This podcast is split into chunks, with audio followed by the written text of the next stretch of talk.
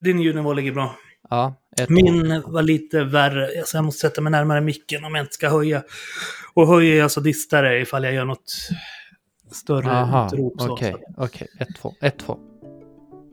Den här gången möter jag min gäst digitalt. Tack PO för hjälpen med det tekniska. PO Flodström bor i Borlänge och arbetar som jobbcoach och lärare. Utöver det driver han den kristna datingpodden och en del andra projekt såsom akademin Bilda och Sänd som vill hjälpa kristna att försvara och förklara sin tro för andra. Han sitter även i kommunfullmäktige för Vänsterpartiet och är engagerad i organisationen Pennys kultursällskap som citat “tror på ett samhälle där vi samtalar med varandra istället för om varandra”. Slutcitat. Välkommen till ytterligare ett avsnitt av En kristens resa.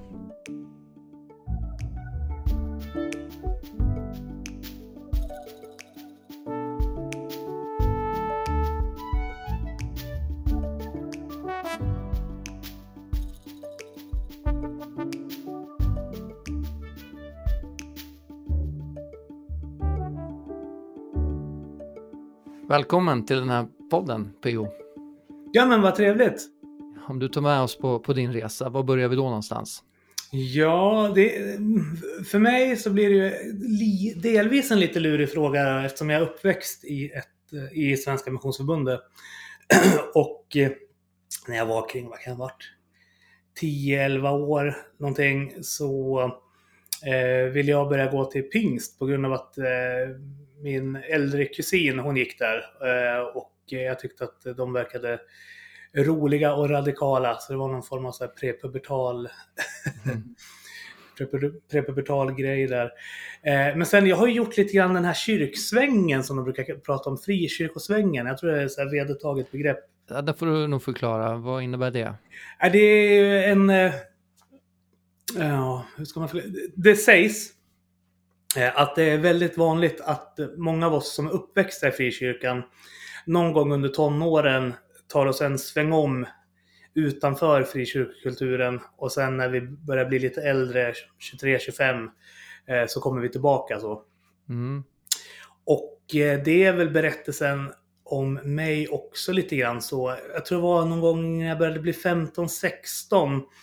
Eh, Jag kommer från Fagersta från början som en liten bruksort. Hade väldigt mycket problem med eh, det som brukar kallas för rörelsen 1.0 inom alternativpolitiska kretsar, vilket då är skinheads Mhm. eh, med bombarjackor och kängor. Och på den här tiden så var ju den nationalsocialistiska rörelsen väldigt aggressiv mot privatpersoner. De, var ju gäng som drog runt och hotade och misshandlade människor. Eh, och det här valde jag att engagera mig mot eh, inom den autonoma vänstern. Och så får vi påminna oss om att det här var före Göteborgskravallerna, så att den autonoma vänstern var i väldigt hög utsträckning en helt annan form av rörelse. Sen finns det olika organisationer och föreningar inom, inom det. Men det är den vänster som inte är organiserad i partier. Okej. Eh, utan mer i olika kampanjgrupper och aktionsgrupper. och Så. Okay. Eh, och den aktionsgrupp som jag eh, gick med i hette Antifascistisk aktion. Eh, på grund av att eh, nazisterna på den här tiden var ett väldigt konkret och direkt hot. Eh, och då hjälpte det inte att anordna disco mot rasism eller eh, fackeltåg och liknande.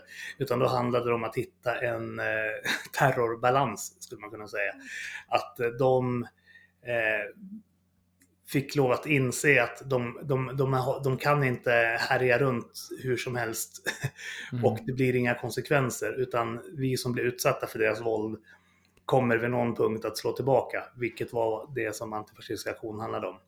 Men, men Okej. det här uppskattades ju inte jättemycket av det pingst, eh, den pingstmiljö som jag då var del av. Så på den tiden i ännu högre mån än nu så fanns det en väldigt stark kodnorm inom framförallt pingströrelsen och en väldigt stark borgerlig norm överlag som inte jag kände mig bekväm med. Så. Jag gled väl över lite, det var, det var inget så här radikalt brott eller så, utan det var mer att eh, en, en, en mjuk övergång där jag mer och mer började hänga i de här autonoma vänstermiljöerna och mindre och mindre i pingstmiljön och så.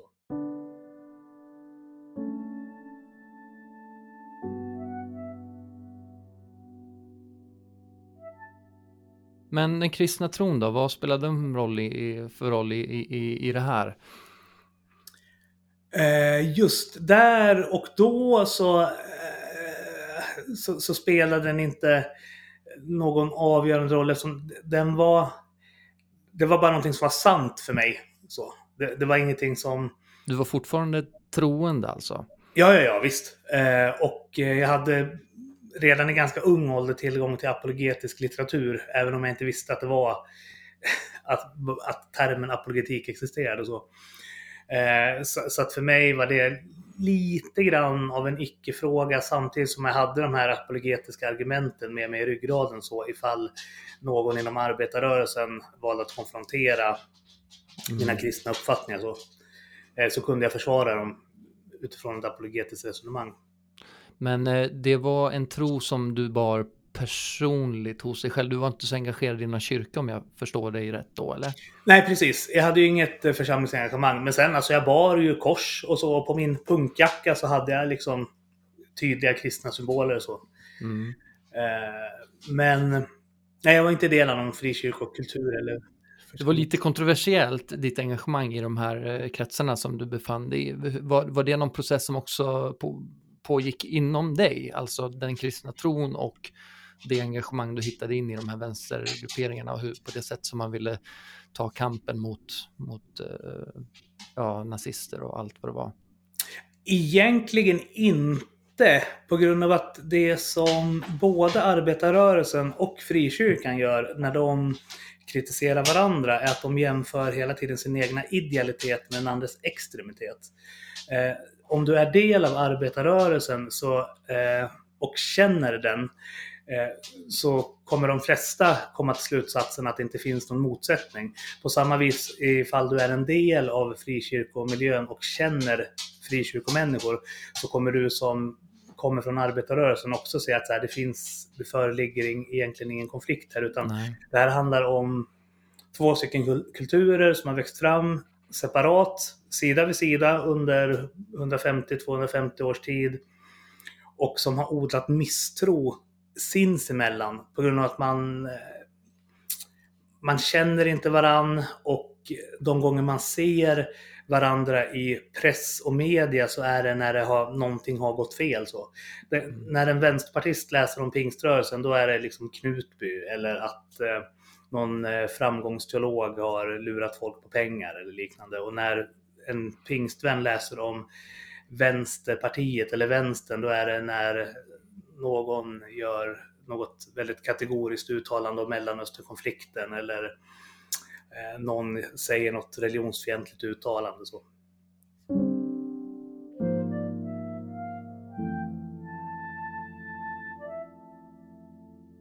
Under den här perioden hade PO flyttat till Gävle och han berättar att han under tio års tid inte gick till någon kyrka eller kristen gemenskap.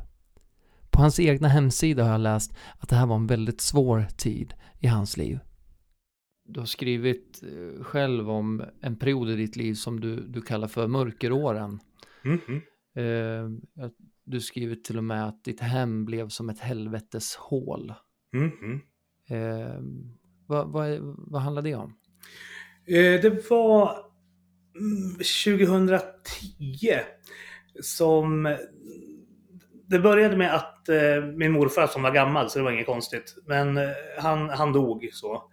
Eh, men sen ganska snart efter det så fick mamma också cancerbesked. Eh, och eh, behandling på behandling misslyckades.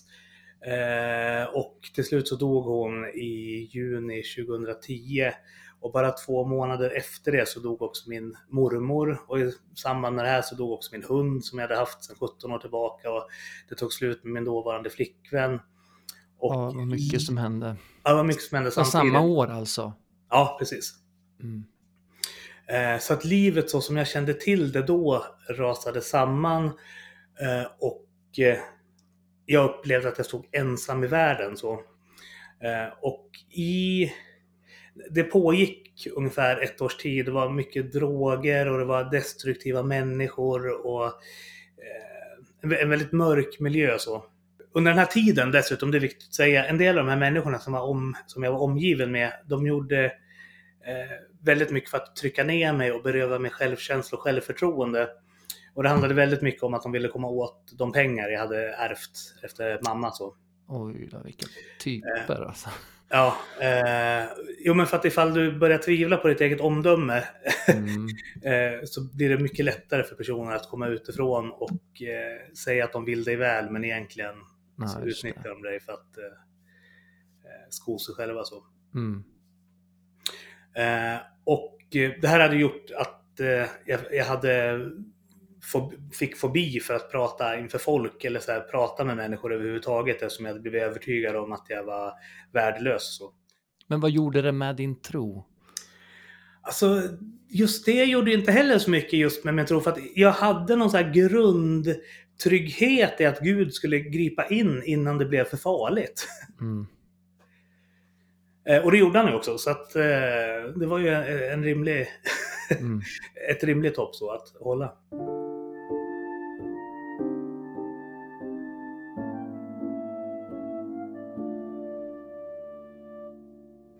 Saknade du eh, kyrkans gemenskap under den här tiden då?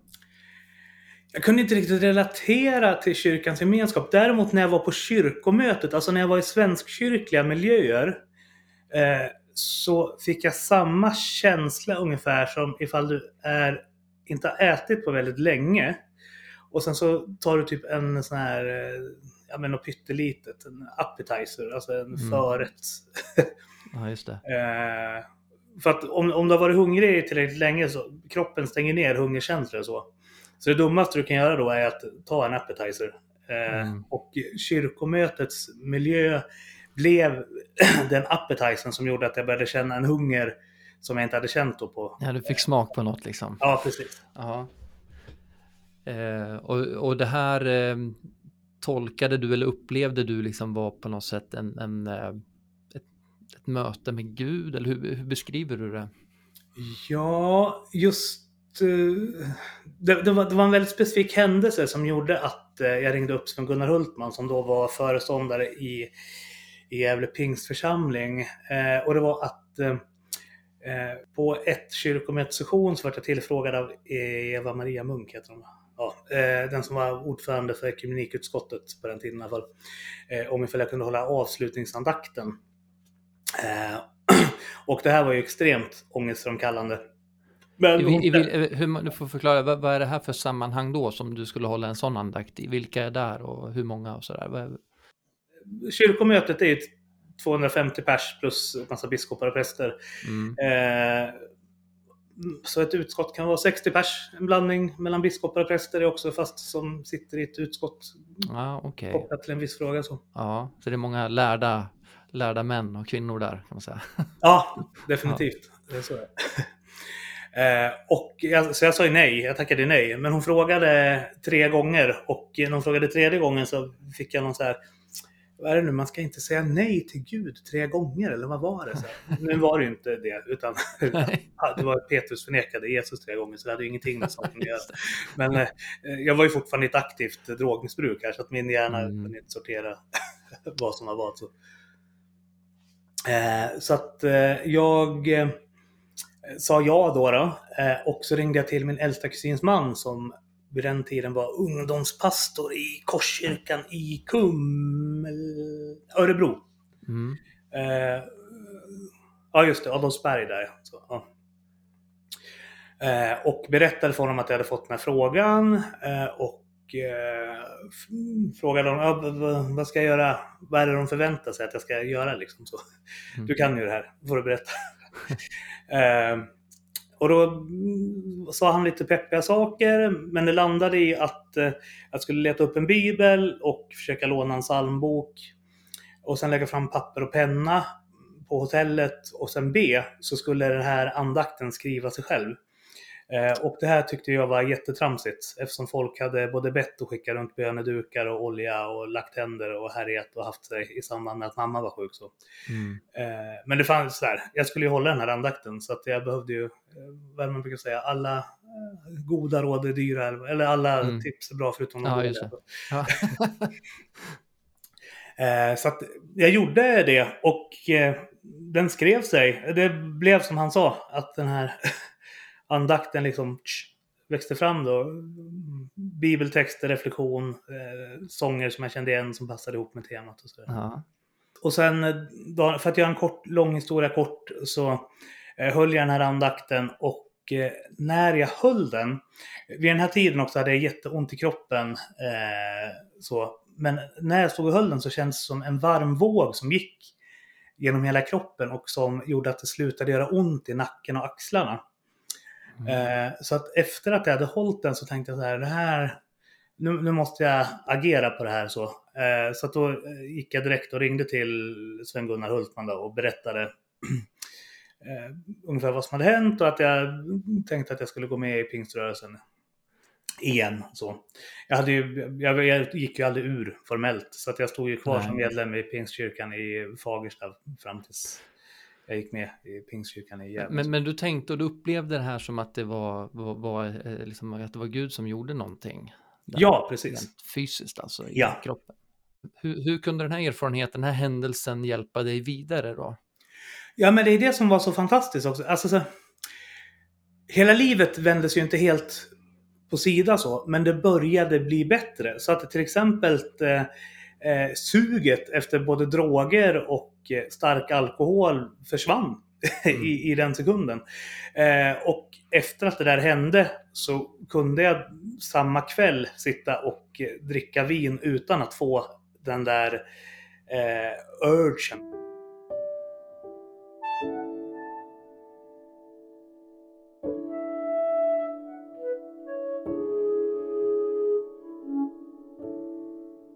Samband med det att eh, min exfru kom fram till att det går inte längre för att hon hade varit olycklig i fem års tid då.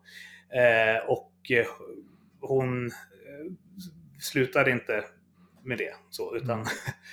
hon, hon var en ny, en ny person, en helt annan person än den som blev kär i mig och ville gifta sig med mig. Mm. och hon hade inga minnen av den personen hon var innan. Liksom hon gick in i den här Mm. långa depressionen. Eh, men jag hamnade ju i en depression då också. Eh, I samband med att hon ville skilja sig. Mm. Eh, och där kände jag att det som var räddsamt för mig, eller liksom det som var eh, det jag behövde då, det var att till exempel eh, min kompis Samuel, Samuel Lennart Johansson från Pingst här i, i stan och Andreas Skogholm som är pastor här, att liksom, de kom till mig och satt och drack läsk medan jag satt och drack öl i badetunnan så. Mm. Eh, och kom inte med några fromma eh, fromma påståenden om att eh, Gud kan göra allting nytt och Gud kan upprätta allting. Eller, Inga klyschor alls. nej, eller vi ber för dig. Så här, ut, Mm. Utan de var människa till människa. Så. Mm. Eh, vilket gjorde att jag hade den här gången då hade en kristen gemenskap i den lilla överlåtna gemenskapen. Vilket jag inte hade då för tio år sedan när, som jag säger, jag förlorade min första familj. För när jag förlorade min exfru så förlorade jag min andra familj eftersom med henne så försvann hennes familj så också. Så här i slutet av vårt samtal kan jag inte låta bli att fråga P.O. om hur hans tro och hans erfarenhet av Gud har påverkat hans politiska åsikter och samhällsengagemang. Vad finns Gud med i, eh, i lösningarna för vårt samhälle och världen? Ja, det kan du kanske inte få ett sånt ideologiskt svar på, men det jag skulle säga att de kristna församtallandena kan lära hela den svenska offentligheten, oavsett om du är konservativ, socialist eller liberal, är just att vi alla är både syndare och rättfärdiga. Jag tror det var Joel Halldorf som skrev i Sydsvenskan om att den svenska offentligheten har, eh, kvar, har, kvar domen men har avskaffat nåden. Eller hur det var han uttryckte Mm. sig. Eh, och eh, det, det märker vi ju var, varje dag att så här, det offentliga samtalet är otroligt självrättfärdigt. Eh, och eh, onyanserat. Och det här som jag nämnde tidigare också. Att vi hela tiden jämför vår egna idealitet med den andres extremitet. Mm. Att vi saknar oftast förmågan att se att olika delar som vi ser hos andra rörelser eller bärare av andra livsåskådningar än våra egna är delar av helheter. Oavsett ifall det är bra eller ifall det är dåligt. Mm. Det tänker jag framförallt är viktigt när vi möter till exempel muslimer eller yazidier. Att varje enskild muslim eller varje enskild yazidi är exakt lika komplex som oss. Så. Mm. Eh, och islam är lika liten sammanhållen världsåskådning och religion där alla tänker och tycker och är på samma sätt som att kristna skulle vara liksom en sammanhållen enhetlig religion. Där vet jag att många vänsterpartister har haft jättesvårt att, att förstå och relatera till en relation med pingströrelsen. För att eh, man är ju inne i hur ett parti fungerar och så. Mm. Och att alla där någonstans eh, tycker och tänker ungefär likadant om samhällsfrågor. Men så är det ju inte i, i, i, en församling. så. Nej. Upplever du att det är ett problem idag i våra kyrkor? Att det är en, en, en, en att det är för smalt och det är för lågt? Eh, en gemensam erfarenhet som jag har med många vänner som är nationalister och Eh, mer konservativa än genomsnittet är att frikyrkan, precis som resten av samhället, kan ha ganska smala åsiktskorridorer. Så. Att det, ifall du befinner dig utanför någon form av KD-norm, då är det en ganska stark Centerparti och Miljöparti-norm som håller på att växa fram inom delar av frikyrkan också. Men att ifall du befinner dig utanför den här KD, Miljöpartiet, Centern, eh, så kan folk börja använda liksom Guds argument mot dina, mot dina uppfattningar och hävda att de är obibliska eller okristna. Så. Eh, och det är ju en form av religiöst maktspråk som jag menar att eh, de individerna, men även liksom frikyrkan som helhet behöver omvända sig från. Att kunna skilja mellan sina egna åsikter och analyser och vad som är Guds vilja. Så. För det, det vet inte, jag kan inte sitta och säga att eh, allting, att, en, att en sverigedemokrat är obiblisk bara för att jag inte delar hans eh, ideologiska slutsatser. Jag kan inte heller säga det till en kristen kommunist att hans eh, liksom, värdegrund är obiblisk. För det, det, vet inte jag. Jag kan bara förhålla mig till hur jag tolkar Bibeln och jag har en eh, evangelikal exeges som ligger väldigt nära Evangeliska Frikyrkan. Vilket är ett resultat av att jag pluggade på Örebro teologiska högskola. Så. Men det betyder inte att min sanning är hela sanningen, utan det är en del av en större sanning så, där vi tillsammans får hjälpas åt att liksom hitta och berika varandras mm. perspektiv på det här ser jag när jag läser Bibeln. Det här är min eh, uppfattning om att Gud säger till mig. Vad säger Gud till dig? Vad säger du när du läser den här texten? P.O. Jättekul att du ville vara med i podden. Tack så mycket. Ja, men tack för att du bjöd in mig. Det var riktigt trevligt. Uppskattar du min podcast och vill stötta den? Gå in på www.enkristensresa.se och läs mer. Tack för att du lyssnar.